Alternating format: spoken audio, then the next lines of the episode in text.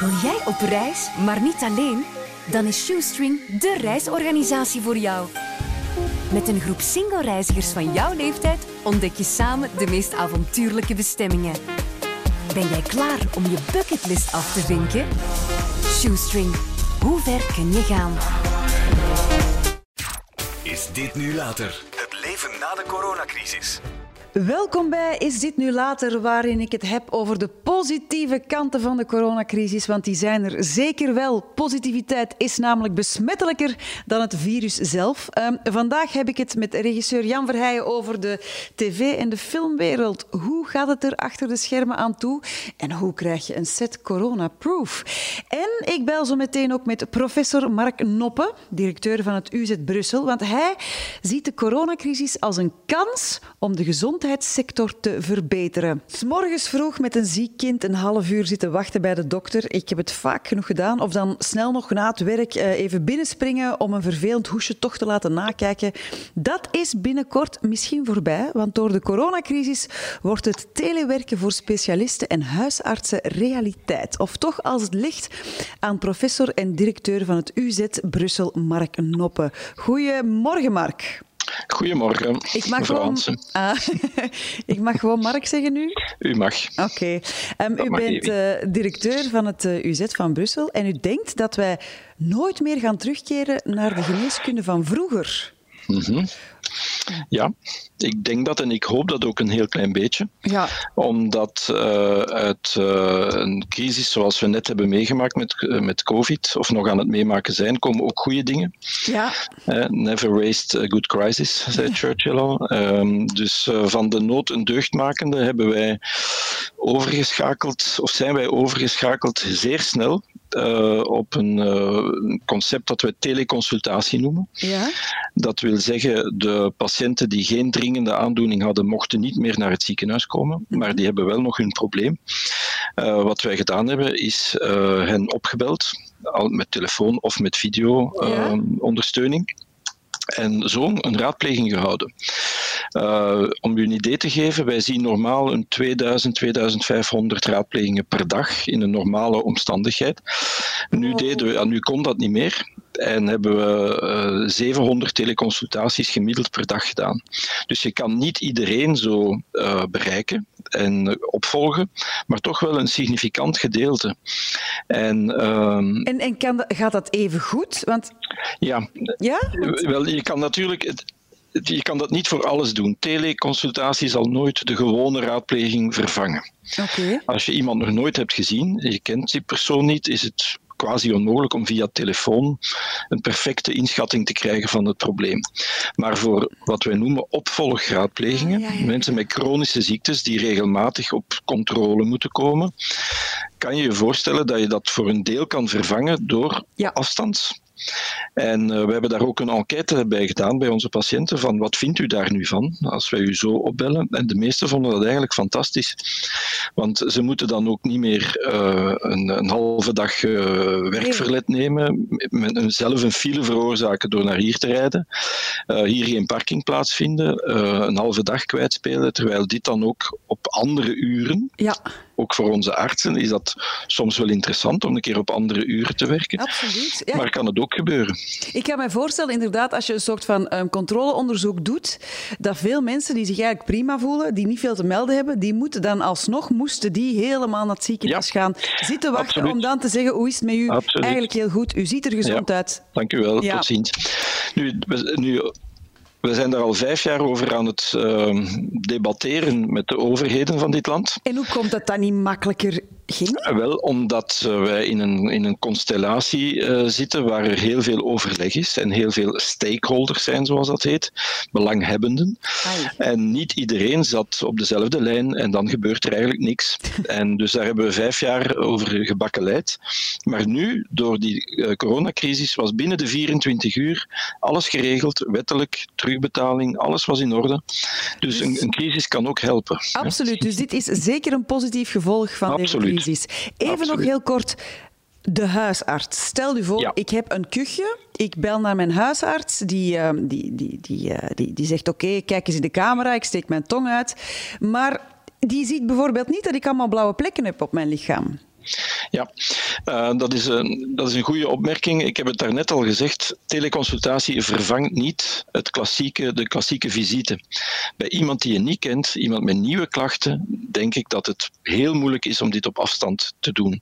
Pas op, daar bestaan in andere landen waar dat je de eerste arts op 500 kilometer vindt, ergens in Finland of zoiets, bestaat dat al, waar dat je met een app uh, allerlei vitale parameters, zoals dat heet, temperatuur, bloeddruk, huidskleur en dergelijke, kan doorzenden naar de arts en die dan een soort, ja, echt een teleconsult doen. Maar bij ons, denk ik, is dat niet aan de orde, omdat je, ja, uh, we hebben een heel klein land met, met veel uh, artsen, dus bon, ja. dat, dat, dat zal hier geen, niet direct um, consultatie vervangen.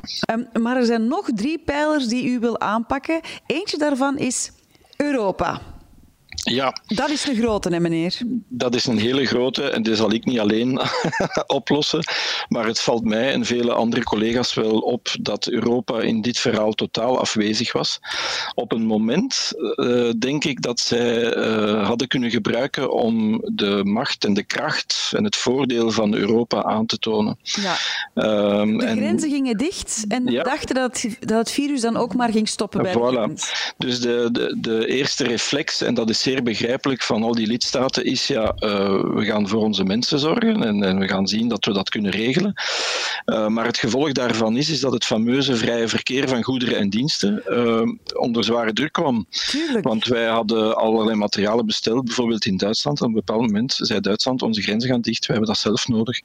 En dan merk je de totale afwezigheid van een soort um, krachtig leiderschap in Europa dat zegt, beste mensen, gezondheidszorg is subsidiair, zoals dat heet. Dat is van de lidstaten. Maar dit gaat over een pandemie. En we moeten hier nu, uh, en het virus kent geen grenzen, dus hier moeten we krachtig gezamenlijk optreden. En al was het maar op vlak van logistiek en materialen, ja. had men heel duidelijk snel kunnen beslissen van hier zijn, de, de hier zijn geen grenzen. We gaan zien dat iedereen zoveel en zo goed mogelijk materiaal krijgt. Dat is maar één voorbeeld. Hetzelfde geldt voor, dus voor maskers natuurlijk, maar ook voor uh, respiratoren, hè, toestellen om patiënten te beademen, medicatie. We hebben enkele weken lang uh, op gerantsoeneerde medicatie, weinig mensen weten dat, maar op gerantsoeneerde medicatie moeten leven. Terwijl onze buurlanden misschien wel voldoende hadden. Terwijl zij misschien, ja, maar iedereen hield zijn eigen stoks natuurlijk. Ja. En uh, dat heb ik wel gemist. Uh, en dat is ook een, een missed opportunity, denk ik, voor ja. de, de nieuwe Europese beleidsmakers. Daar is dus nog wel krachtige stem. Ja. ja, zit daar heel veel werk. Uh, dan heb je het ook nog over bestuurlijke chaos.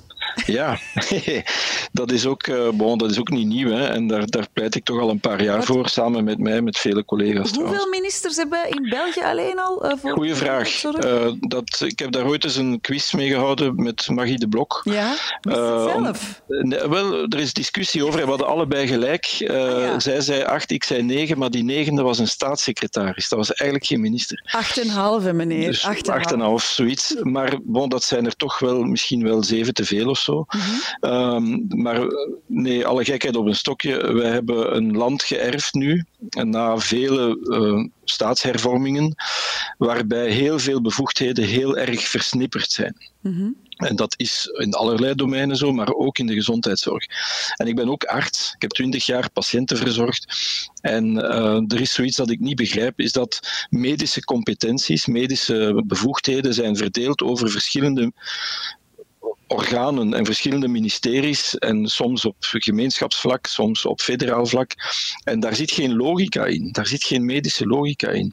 Preventie is gemeenschap, genezing is federaal, dat is een beetje bizar. Eerste lijn is gemeenschap, ziekenhuizen Ook is federaal. weer, weer hè? een ziekte, een bacterie stopt niet bij een provincie nee, of bij een gewest. Nee, dat is mijn ja. punt. En wij hebben dan nog een Vlaams ziekenhuis dat gelegen is in het Brusselse hoofdstedelijk gewest. Ik kan u zeggen, ik heb een vijftal ministers waar dat ik moet over allerlei dingen zijn, ja. maar nooit bij dezelfde. En okay. het is altijd even puzzelen, uh, bij wie moet ik hiervoor zijn? Oh. Dus dat is niet echt efficiënt. Ik wens u wel veel succes om dat op te lossen, hoor. ja, ja. Een stoute vraag misschien. Um, zou u ook meer geld willen vrijmaken voor de mensen in de frontlinie? Ik bedoel, bedoel nu echt de verzorgers, de verplegers, de mensen die het harde, zware werk doen. Ja. Um, ik heb daar een, een genuanceerd antwoord op. Uh, meer geld uh, is, is soms ook zo'n beetje, ik zal niet zeggen een slogan, maar is makkelijk gezegd. Mm -hmm. bovendien, als je over geld praat, dan is het ook nooit genoeg.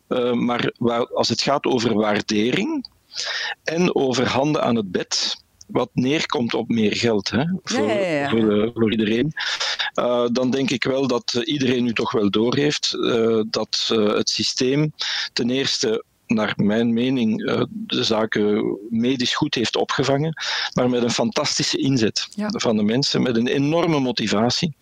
En ik denk echt, en dat geldt voor de gezondheidszorg, maar ook voor andere beroepen die nu plots wel heel erg belangrijk blijken te zijn, vind ik dat wel een algemene maatregel uh, of een algemeen principe dat daar wel waardering mag tegenover staan. En ja, dat kan met een soort uh, beloning, een soort bonus of, of fiscaal um, constructie, maar vooral ook met een structurele waardering. Dat het, ja, en dat het werk misschien een beetje verlicht wordt. Uiteraard, ja. inderdaad. Okay. Uh, want uh, in België, wij hebben uh, sinds de crisis van 2008, die is pas budgetair op ons ingepakt vanaf 2010. We hebben tien opeenvolgende jaren van besparing in de gezondheidszorg achter de rug. Tien jaar. Elk jaar opnieuw, nieuwe besparingen. En, en dat als voelen je weet, we nu, hè? En dat voel je. Ja.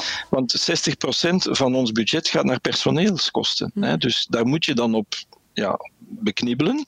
En dat betekent minder handen aan bed, minder verpleegkundigen. En de zorg wordt verleend door verpleegkundigen en zorgkundigen. En, en dat, dat betalen we nu cash bij manier van spreken. En gelukkig kunnen we rekenen op een fantastisch uh, gemotiveerd, intrinsiek gemotiveerd korps eigenlijk. Uh, en die mensen hebben, zijn ongelooflijk flexibel geweest, hebben elkaar geholpen, hebben crashopleidingen gevolgd, zijn van zaal veranderd, nieuwe teams gevormd.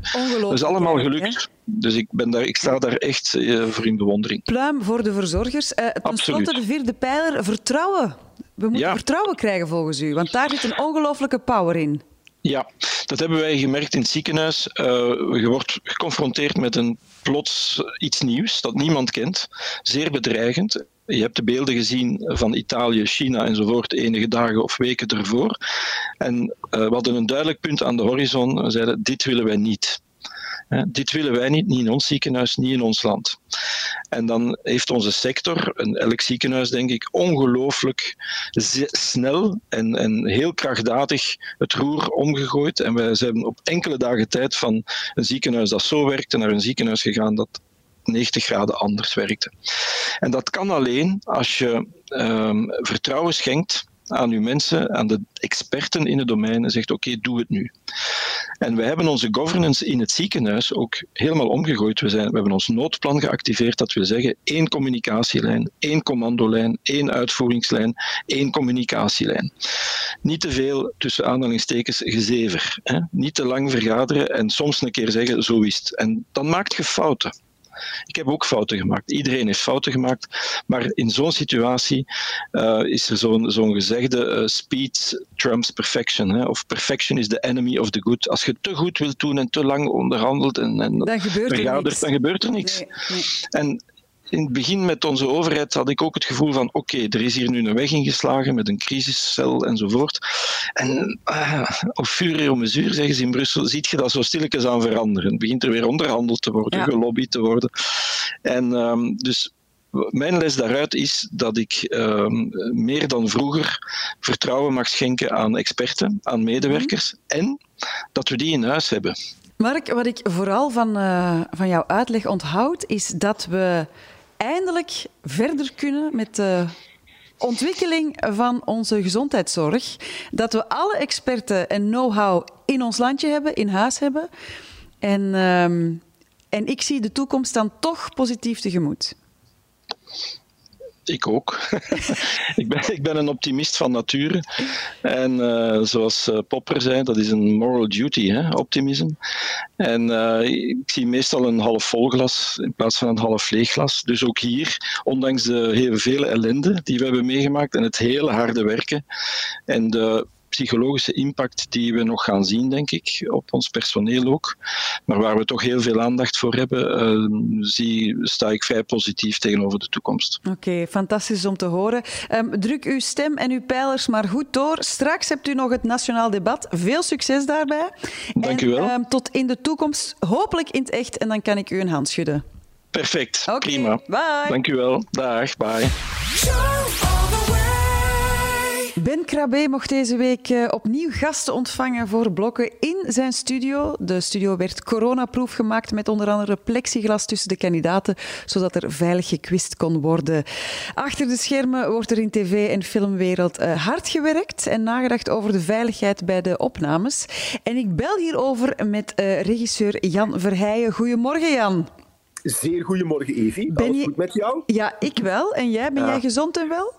Ja, ja, wij zitten in onze kokon in uh, het lieflijke Bali-brugge. En uh, wij zijn uh, zeer gezagsgetrouwe burgers. Dus uh, wij komen niet uit ons kot, tenzij voor de hoogstnodige verplaatsing. Ja, dus de vergaderingen en de meetings die je nu doet over ja, het voortbestaan van de filmwereld en op welke manier, dat doe je ook allemaal gewoon online.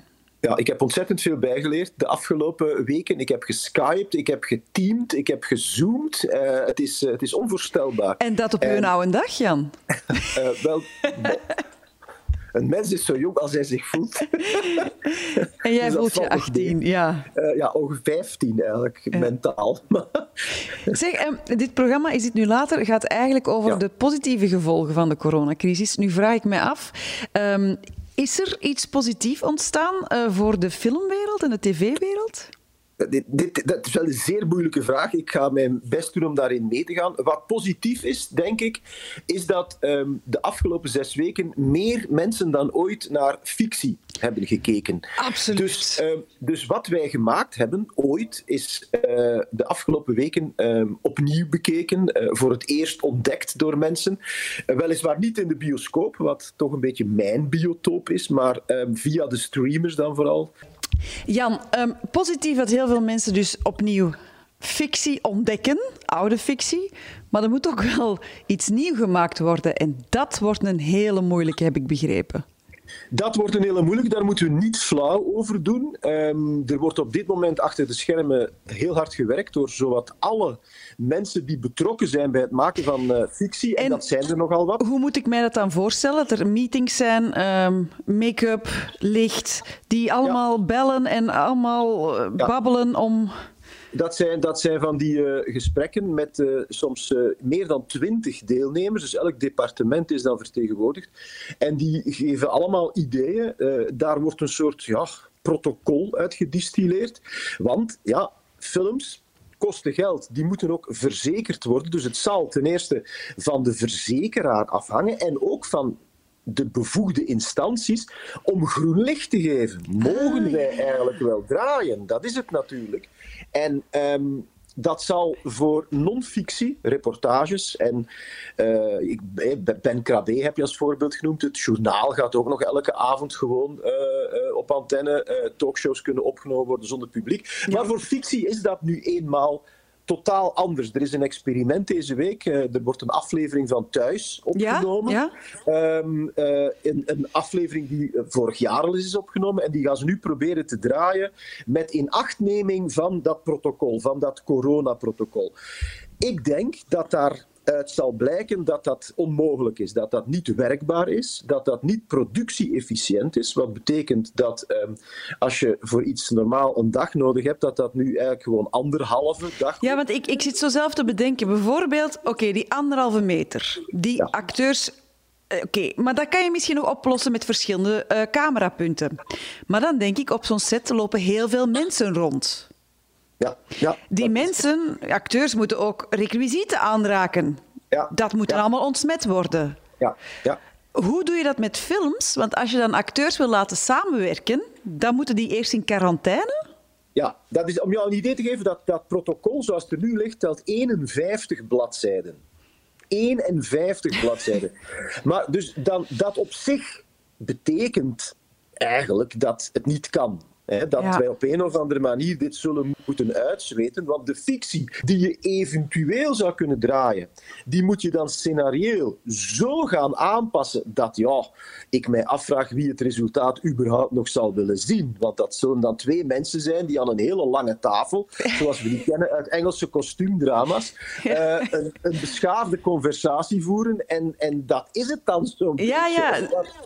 Ge- Dus ik- Gekus of meer komt er al zeker niet aan te pas. Kussen, kussen. Ve- Dus er staat ook letterlijk in het protocol, er kan, niet, er kan geen lichamelijk contact zijn, er kan dus geen vechtscènes, massascènes. Forget it, figuratie. Hoe ga je daarmee om? Dus het wordt allemaal wel heel erg sober. En dat kan je misschien een aantal keer doen, maar ik denk dat een publiek daar toch wel zeer snel op uitgekeken zal zijn. Dus ja, we gaan proberen. We Er zullen een aantal experimenten gebeuren. Mijn aanvoelen, persoonlijk, dus ik vertegenwoordig hier alleen mijzelf met dit statement. Mijn aanvoelen is dat we dit als sector echt letterlijk zullen moeten uitzweten. Maar dat kan nog vijf jaar duren, Jan. Nee, nee, nee, dat is nou wel. Zo ken ik jou niet, Evi Hansen. Voor jou is het glas altijd Ja, nee, maar ik bedoel, dit kan, het kan echt nog wel echt lang duren voor we teruggaan naar het normale. Ja, maar de- de- misschien wordt het ook nooit meer normaal zoals Hmm. we dat tot nu toe als normaal hebben ervaren. Maar Allemaal animatie? Nee, vaccin, kijk, de, de- van zodra er een vaccin is. Ik heb mij laten vertellen, en ik ben bereid dat te geloven.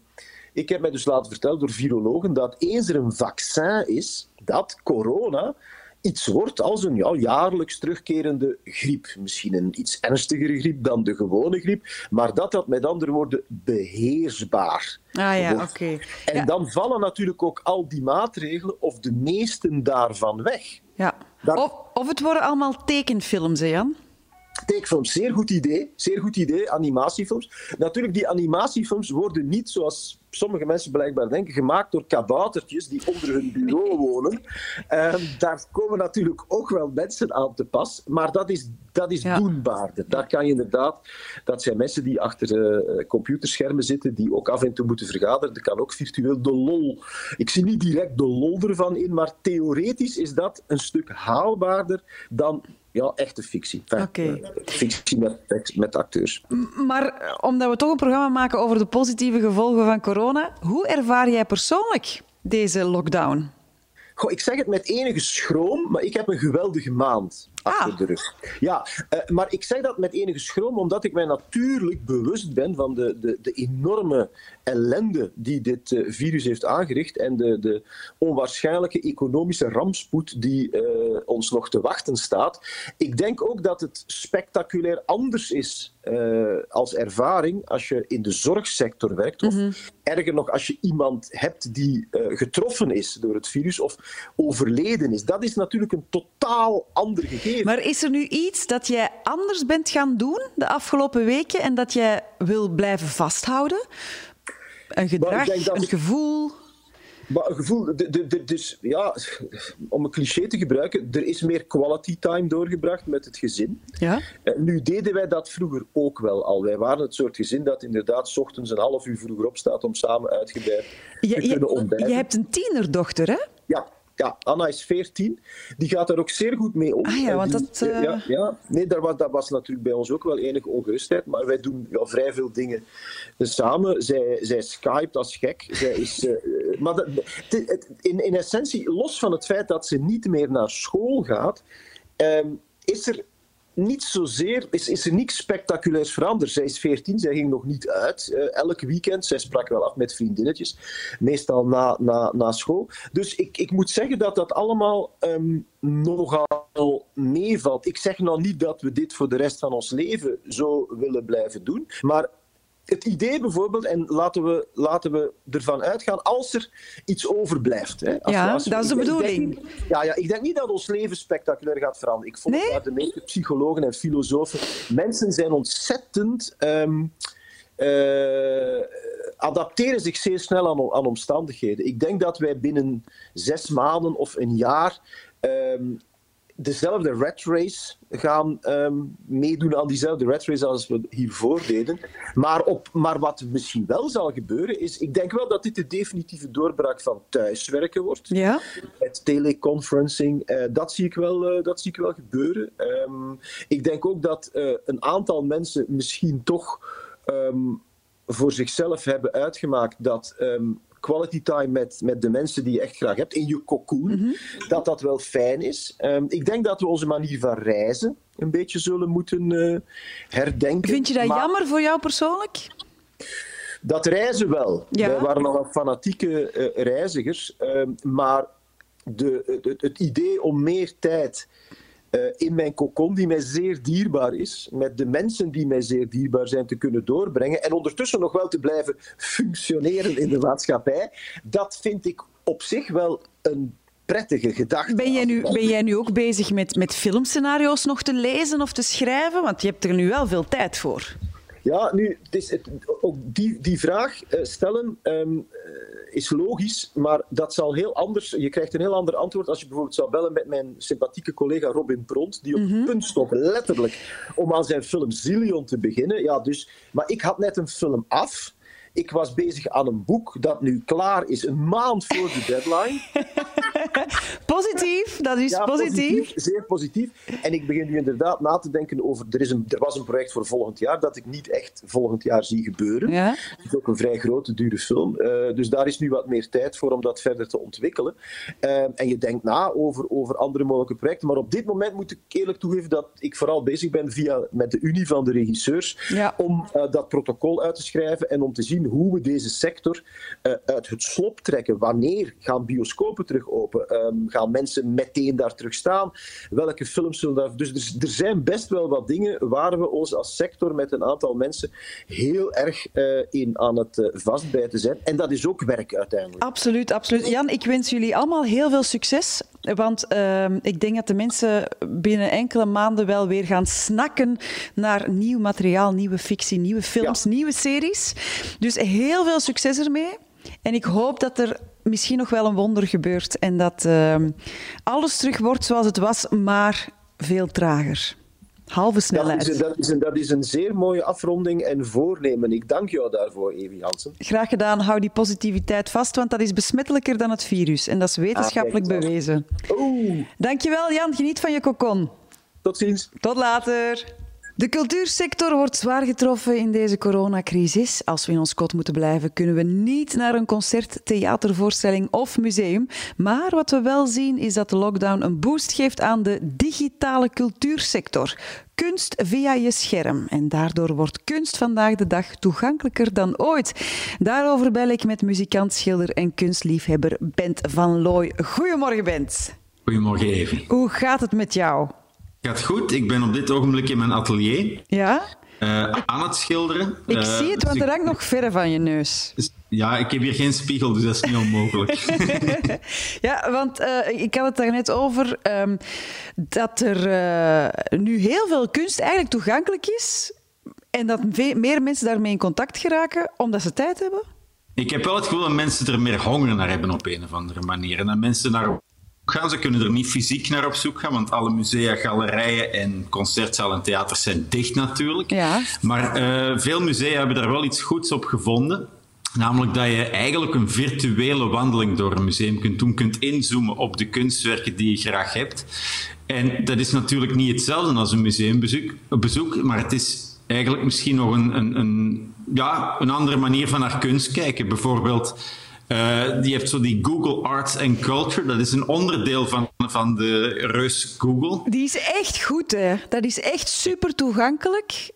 Ja. Eh, ik heb hem nu zelf ook. Ik had hem al eens ontdekt. Ik heb hem nu opnieuw eh, gedownload. Een app. Dat is ongelooflijk. Je gaat er naartoe. Je ziet allemaal verschillende ehm, eh, eh, stijlen. Je klikt het Ja. aan. Het is fantastisch. Ja, je kunt er echt in verdwalen. Zelfs al ben je niet naar die specifieke kunstenaar op zoek. Je kunt je echt laten meenemen door ja, een soort van moodboards die er zijn. Als mensen zeggen, oké, het is lente, ik wil kunst over de lente zien, dan kan dat. Maar je kunt evengoed een hele rare, obscure Russische schilder gaan intikken. En dan zie je ineens, als een werk en het leuke is, je kunt er echt dichterbij dan je eh, in een museum erbij kunt. Want in een museum zijn er van die sensoren. Als je dicht bij een schilderij komt, gaan die af.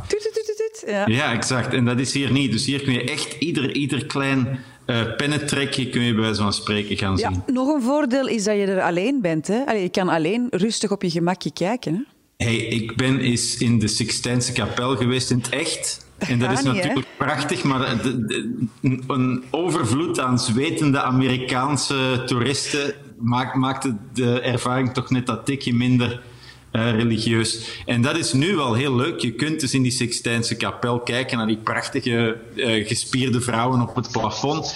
Uh, en je kunt ook in die ruimte verder rondlopen. Een ruimte die, die je natuurlijk kent van Michelangelo, maar evengoed van, van tv, van de reeks als de, wat is dat, The Young Pope bijvoorbeeld. Ik, vond, ik vond in die serie vond ik, dat prachtige schilderijen gemaakt van gordijnen op de muur.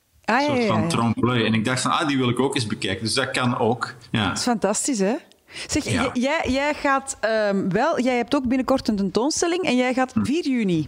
En jij gaat Hm. Ja, ik ben zo blij. Ik ben zo blij, want die, die ben ik al aan het plannen ja, sinds een jaar of zo. En nu dacht ik van, oh, nee, het, het zal toch niet gecanceld worden, zoals eigenlijk al mijn concerten en, en Ah. al mijn andere jobs gecanceld zijn. Maar nee, eh, mijn tentoonstelling gaat open in Brussel op 4 juni bij eh, Galerij Super Dakota. Er is geen vernissage, dus geen feestje. Het voordeel is dat je dan ook geen kater hebt de dag daarna. Maar eh, mensen, kunnen, mensen kunnen gewoon langsgaan en per twee mag je dan binnen. Of je kunt ook een afspraak maken. Dat is ook wat in musea waarschijnlijk gaat gebeuren. Dat, dat je zegt van ik ga niet morgen naar een museum, maar ik ga morgen om drie uur naar dat museum. En op die manier eh, is het mogelijk om, om, om ja, niet al te veel mensen daar te hebben. Ja.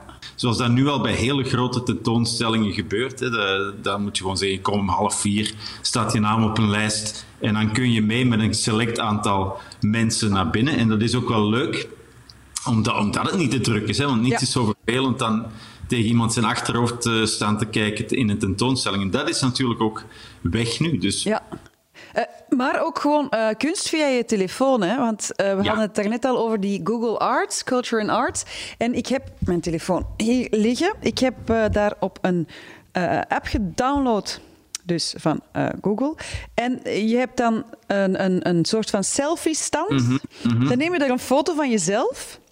En dan gaat die app op zoek naar jouw dubbelganger uit de kunstgeschiedenis. Ja. Dus die heeft allemaal portretten in een gigantische database. Van En alle op- eh, musea. eh, wel, ik zou het denken, ja. Wacht. Oké, ik heb nu een selfie genomen. En Mhm. ik kom hier uit bij Study for Friends van een zekere Olga Björgerker. Ken je ze? Nee. Nee, oké. Dat is wel van eh, Study for Friends. Ol- Olga Björkergen, Farus och Listen Bonnier. Uit de collectie van het Nationaal Museum in Zweden. Daar tik Ah, je ik dan ook op en dan kan je eh, dat kunstwerk bekijken. Het is mooi. Ja, ja, ja, dat is, ja ik snap het. Maar vanzelf begin je dan ook, en dat vind ik wel leuk, je begint gewoon ook te scrollen. En, en voor je het weet ben je eigenlijk... Ja, Dat is het leukste in een museum ook. Hij is een beetje verdwalen in een collectie. En dat kun je hier ook. Je kunt, je kunt echt een ongeluk klikken aan al die fantastische werken die eigenlijk misschien ook gewoon in opslag staan. Maar die, je- die je via Google gewoon allemaal kunt, kunt bekijken. Dat is geweldig. Dus vind je er eigenlijk een positieve evolutie aan deze lockdown? Wel, het positieve is dat we, dat we ons daar nu ook van bewust zijn. Eh, echt geweldig is het pas als je en-en kunt doen. Ja. Hè? En, en naar het museum gaan en dan thuis een beetje nog verder. Dat is, dat is het hele leuke. Maar ik denk dat dit op vandaag een hele goede eh, optie is, omdat mensen zitten thuis. eh hebben misschien heel Netflix leeg Absoluut. gekeken. Ja, en ik belde net met Jan Verheijen en die zegt dat er voorlopig ook geen nieuw materiaal Nee. aankomt, want ze kunnen niet beginnen filmen. Dus dan kan je gewoon beginnen kunst kijken. Ja, en veel mensen zijn er misschien een beetje bang van. Hoe is dat niet saai of is dat niet droog? Maar probeer, probeer eens te, verloren te lopen in een schilderij. En dan zul je zien dat je daar niet eh, op twee minuten mee klaar bent. Ja. Bent, wat de mensen ook kunnen doen als ze dan Netflix eh, zijn eh beu gekeken en ze hebben van alles ontdekt op, eh, op, eh, van kunst online, dan kunnen ze ook nog luisteren naar jouw podcast, want jij spreekt daar Ja, ik ook. heb een quarantaine-podcast, want het, het werd heel eenzaam. Dan had ik al heel snel door van, oké, dit, dit komt niet goed.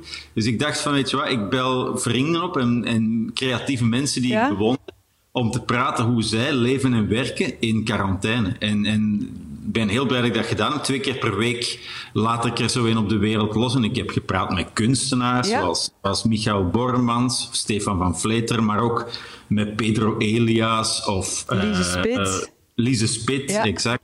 Dus dat zijn eigenlijk heel eh, verschillende mensen die bij mij praten over hoe zij het stellen en, en wat hun tips zijn ook bijvoorbeeld. Ja, ja, de mensen moeten het thuis maar eens eh, checken. Bent belt rond. Het heet Pyjama Talks. Dus als je dat opzoekt, dan eh, ga je het vinden. Oké, ehm, ik heb het gevonden op Bent belt rond hoor. Kan ook. kan ook. Bent, waarom is kunst zo belangrijk in deze coronatijden?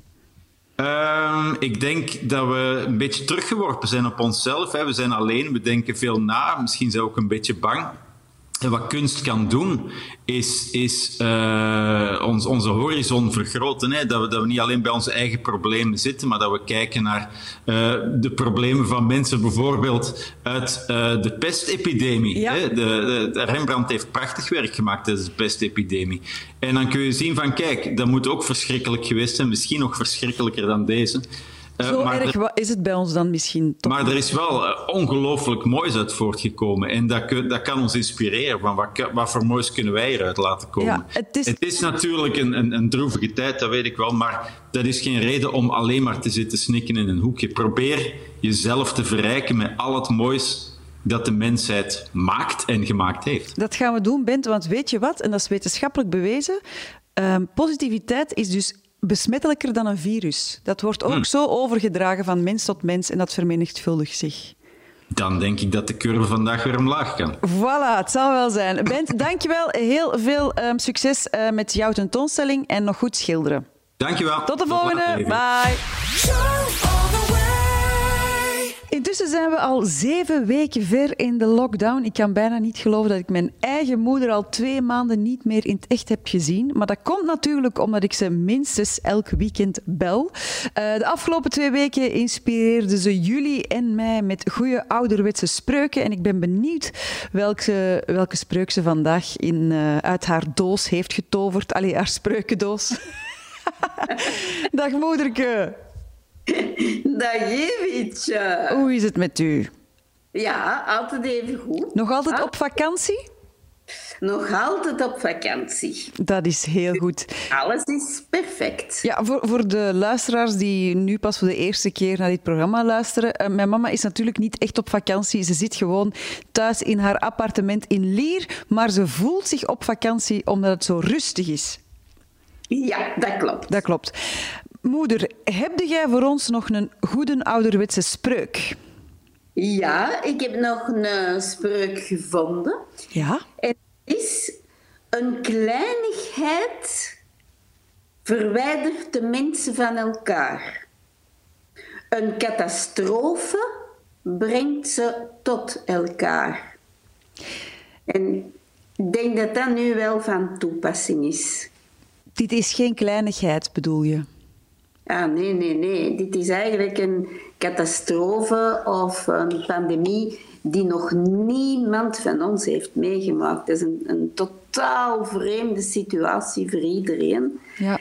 En, eh, en toch brengt de mensen heel dicht bij elkaar. Dat is een hele positieve boodschap, dank u wel, moeder. Ja. Wat ik mij nu ook net bedenk, jij bent geboren net na de oorlog. Ja, in 47. Ja, had jij ooit gedacht dat je in, nog ooit in deze situatie zou terechtkomen? Want dit is ook een heel klein beetje oorlog. Nee, zeker niet. Ik, ik ben wel bang gemaakt voor de oorlog door mijn ouders. Die het hebben meegemaakt. Maar dat we dit zouden... Dat, dat, ik vind dat zo eh, science fiction waar dat we nu in zitten. Je ziet al eens zo van die filmen en dan denkt je... Oh, dat hebben ze goed gevonden. Hè? Ja, Maar eh, dit is nu de realiteit. Nee, ik had dat nooit, nooit, nooit gedacht. nee. En Wat- langs de andere kant is het een ervaring om dat nog te kunnen meemaken. Ja, en, en eh, liefst te overleven, hè, moeder? Ja, ja, ja, maar daar doen we ons best voor. Wij zien niemand. Enkel mijn zus. Echt? Eh hey, en op twee meter afstand, want ik heb er altijd een meter bij liggen. Je hebt uw meter... Nee, nee, meen je echt uw meter mee naar buiten? Eh, nee, nee, die komt, die komt eten brengen. Hè? Ah ja, oké. Die doet boodschappen. En dan komt hij even binnen en dan eh, komt hij van ver binnen, die ontsmet de randen, zet er boodschappen neer. En dan neem ik zo'n houten meter. Ja. Ja, echt waar. En dan houden wij afstand met die houten meter. Want mijn zus wil het niet op haar geweten hebben dat ze ons besmet, hè? Nee, nee, nee, nee, nee. Nee, niemand hè, wil dat. Tuurlijk. Dus eh, Oké, eh, moeder, om het positief af te sluiten met uw boodschap. Herhaal ze nog eens één keer heel mooi. een kleinigheid verwijdert de mensen van elkaar. Een catastrofe brengt ze tot elkaar. Dank u wel, liefste moeder Arlet Jacobs. Ehm, tot volgend weekend. Ah ja, ik probeer tussendoor ook nog eens te zoomen met de familie en zo. Hè. Dag moeder, groetjes aan de staf. Dag. Tadaa! Ja, als jij je grootouders eh, eens wil verrassen, of, of de grootouders van de kinderen, dan eh, is de actie Stoep Stories van Orange wel een leuke. Ehm, het principe is simpel. Maak een mooie krijttekening op de stoep van de mensen die je mist. Een boodschap van hoop en liefde. Maak daar een foto van en zet er de hashtag Stoepstories bij. En Orange die zal dan ehm, al die hartverwarmende content verzamelen op de website www.stoepstories.be. En in afwachting blijf ik gewoon bellen met mijn moederke. Een kleinigheid verwijdert de mensen van elkaar. Een catastrofe brengt ze tot elkaar. En dat klopt ook, tenminste toch als ik jullie boodschappen lees. Ehm, zo stuurde Nathalie Verstappen mij via de Joe-site. Hey Evie, ik heb een dochter van 15 met ASS. En we merken dat ze door de lockdown nu echt basisrust heeft gevonden. Ik heb nu een zalige dochter, dus corona brengt hier echt kalmte en rust. Hilde van den Heden die schrijft ook iets heel mooi. Haar papa is in april overleden. Ehm, hij was 77 jaar, maar Hilde had al 15 jaar geen contact meer met haar broers. Ehm, maar doordat, uh, doordat haar papa is overleden, hebben ze toch weer contact met elkaar opgenomen en hebben ze heel veel steun aan elkaar gehad. Hilde schrijft, ja, het, uh, het was verschrikkelijk om mijn papa te verliezen, maar het hele positieve aan uh, het sterven van papa is toch dat we samen met mijn broers sterk waren en elkaar nu nooit meer loslaten. Ik heb mijn broers terug. Heel mooi verhaal. En tot slot, Greet Stappers, wel grappig, die stuurt dat ze altijd wat schrik had om uh, op pensioen te gaan over drie jaar. Uh, omdat ze bang was om heel de dagen thuis te zitten. Maar deze crisis is voor haar een ongelofelijke test geweest, want nu lukt het haar om een evenwicht te vinden en ze kijkt vanaf nu echt uit naar haar pensioen. Maar dat is gelukkig pas over drie jaar. Uh, heb jij ook nog positieve boodschappen? Laat het mij alsjeblieft weten via de Joe-site. Verplicht in uw kot moeten blijven, dat kan ook tot mooie dingen leiden. Want Milo Meskjes heeft de voorbije weken vanuit zijn kot een nieuw nummer geschreven over deze vreemde tijden. Een beetje samen met zijn fans. Of heb ik dat fout begrepen, Milo? Goedemorgen trouwens. Goedemorgen, alles in orde? ja, zeker. En met jou? Ja, prima eigenlijk. Ik kan niet klagen. Uh, om op uw vraag te antwoorden, dat is inderdaad een kleine misvatting geweest. Ik heb uh, wel degelijk via een livestream al uh, een nummer geschreven toen er een vraag kwam van een fan over, over tips voor songwriting. En toen heb ik een nummer geschreven, maar dat was een ander nummer. Maar dat was... nummer... Want dat vind ik al wel interessant. Dus jij hebt contact gezocht met jouw fans via Instagram? Die vraag ja. kwam live. Dus die vraag kwam, ja. hoe schrijf je een nummer? En dan ben jij dat op, op dat moment, heb jij een nummer geschreven? Ja, dat was best spannend eigenlijk. Dat was best spannend. Uh, ik dacht dat de beste manier om iemand tips en, en, tricks te geven over songwriting is om het gewoon live in real time uh, te doen. Dus dan heb ik een nummer geschreven. Um, Wauw. En ben je dan niet bang dat je al je geheime prijs geeft? Goh, langs de ene kant is dat, is dat altijd een vraag die je kunt stellen. Langs de andere kant weet ik ook dat er mannen gelijk Milo en Tom Helzen en Jasper Stevelink mij van in het begin heel veel hebben gesteund en, en tips en raad hebben gegeven en zo. En die, die hebben ook nooit schrik gehad dat ik hun eigen concurrentie ging worden. Dus ik vind, als zij dat bij mij hebben gedaan, dan moet ik ook uh, openstaan aan andere mensen. Positiviteit is besmettelijk en bij deze is dat weer al uh, bevestigd. Zeker. Vertel, dus uh, jij begint een, live sessie op Instagram met jouw fans. En toen?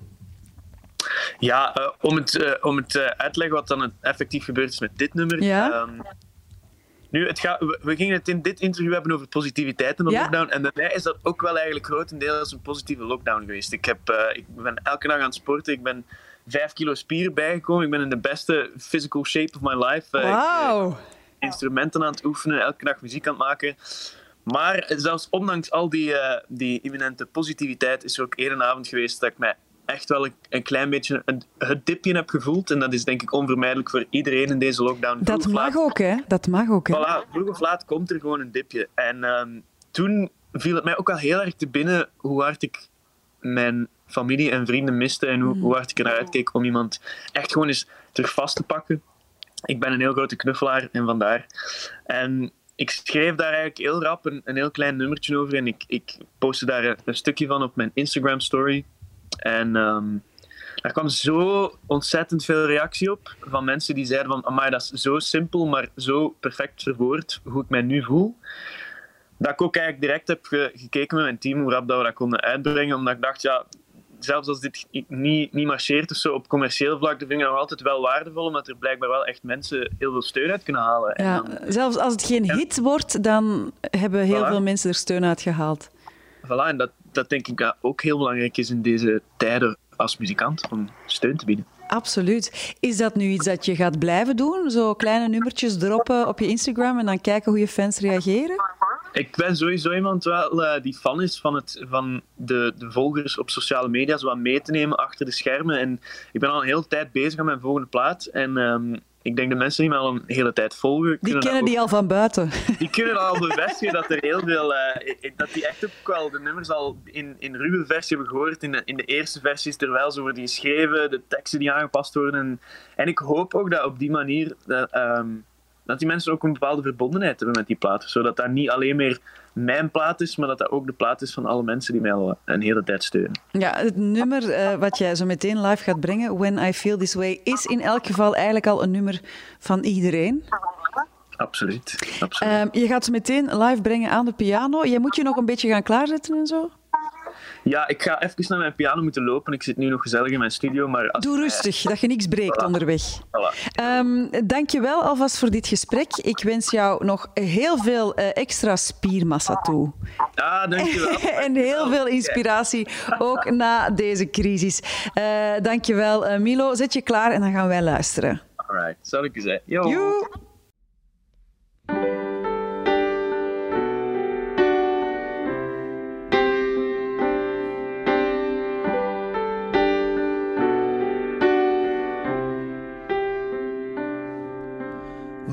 Has been a month since I felt skin touching mine. Now we're all staining, and I've been doing relatively fine so far. Tonight I gotta tell you has been hard. Cause I miss having someone to look me in the eyes. And I miss having someone to wake up by my side. And I miss having someone to get me through the night and all the days. When I feel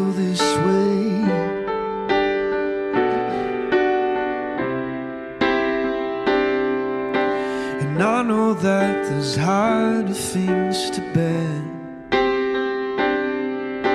And having to stay inside of this square.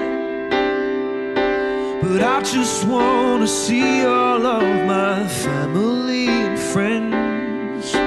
And I can't wait to hug them all again.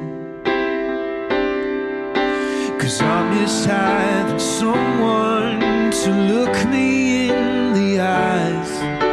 And I miss having someone to wake up by my side. And I miss having someone to get me through the nights and all the days.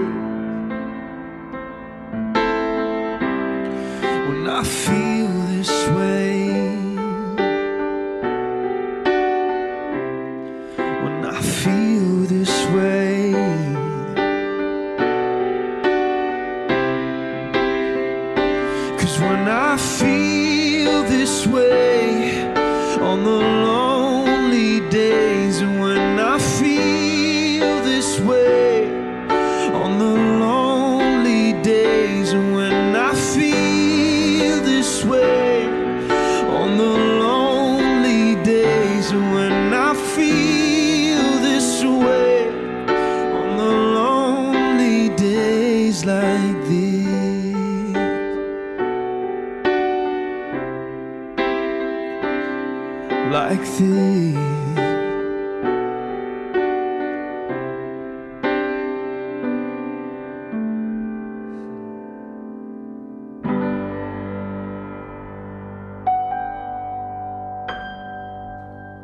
Meskens, When I Feel This Way, geschreven voor en door zijn fans.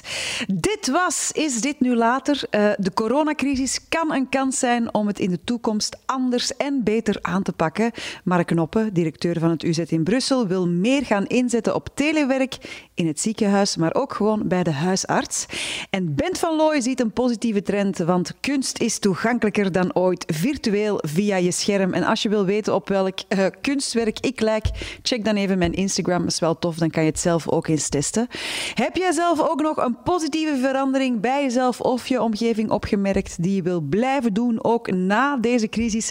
Laat het me dan zeker weten via de Joe-site. En ik wens jullie allemaal een fantastisch weekend. Blijf positief, want positiviteit is besmettelijker dan een virus. Tot volgende week. Tot later.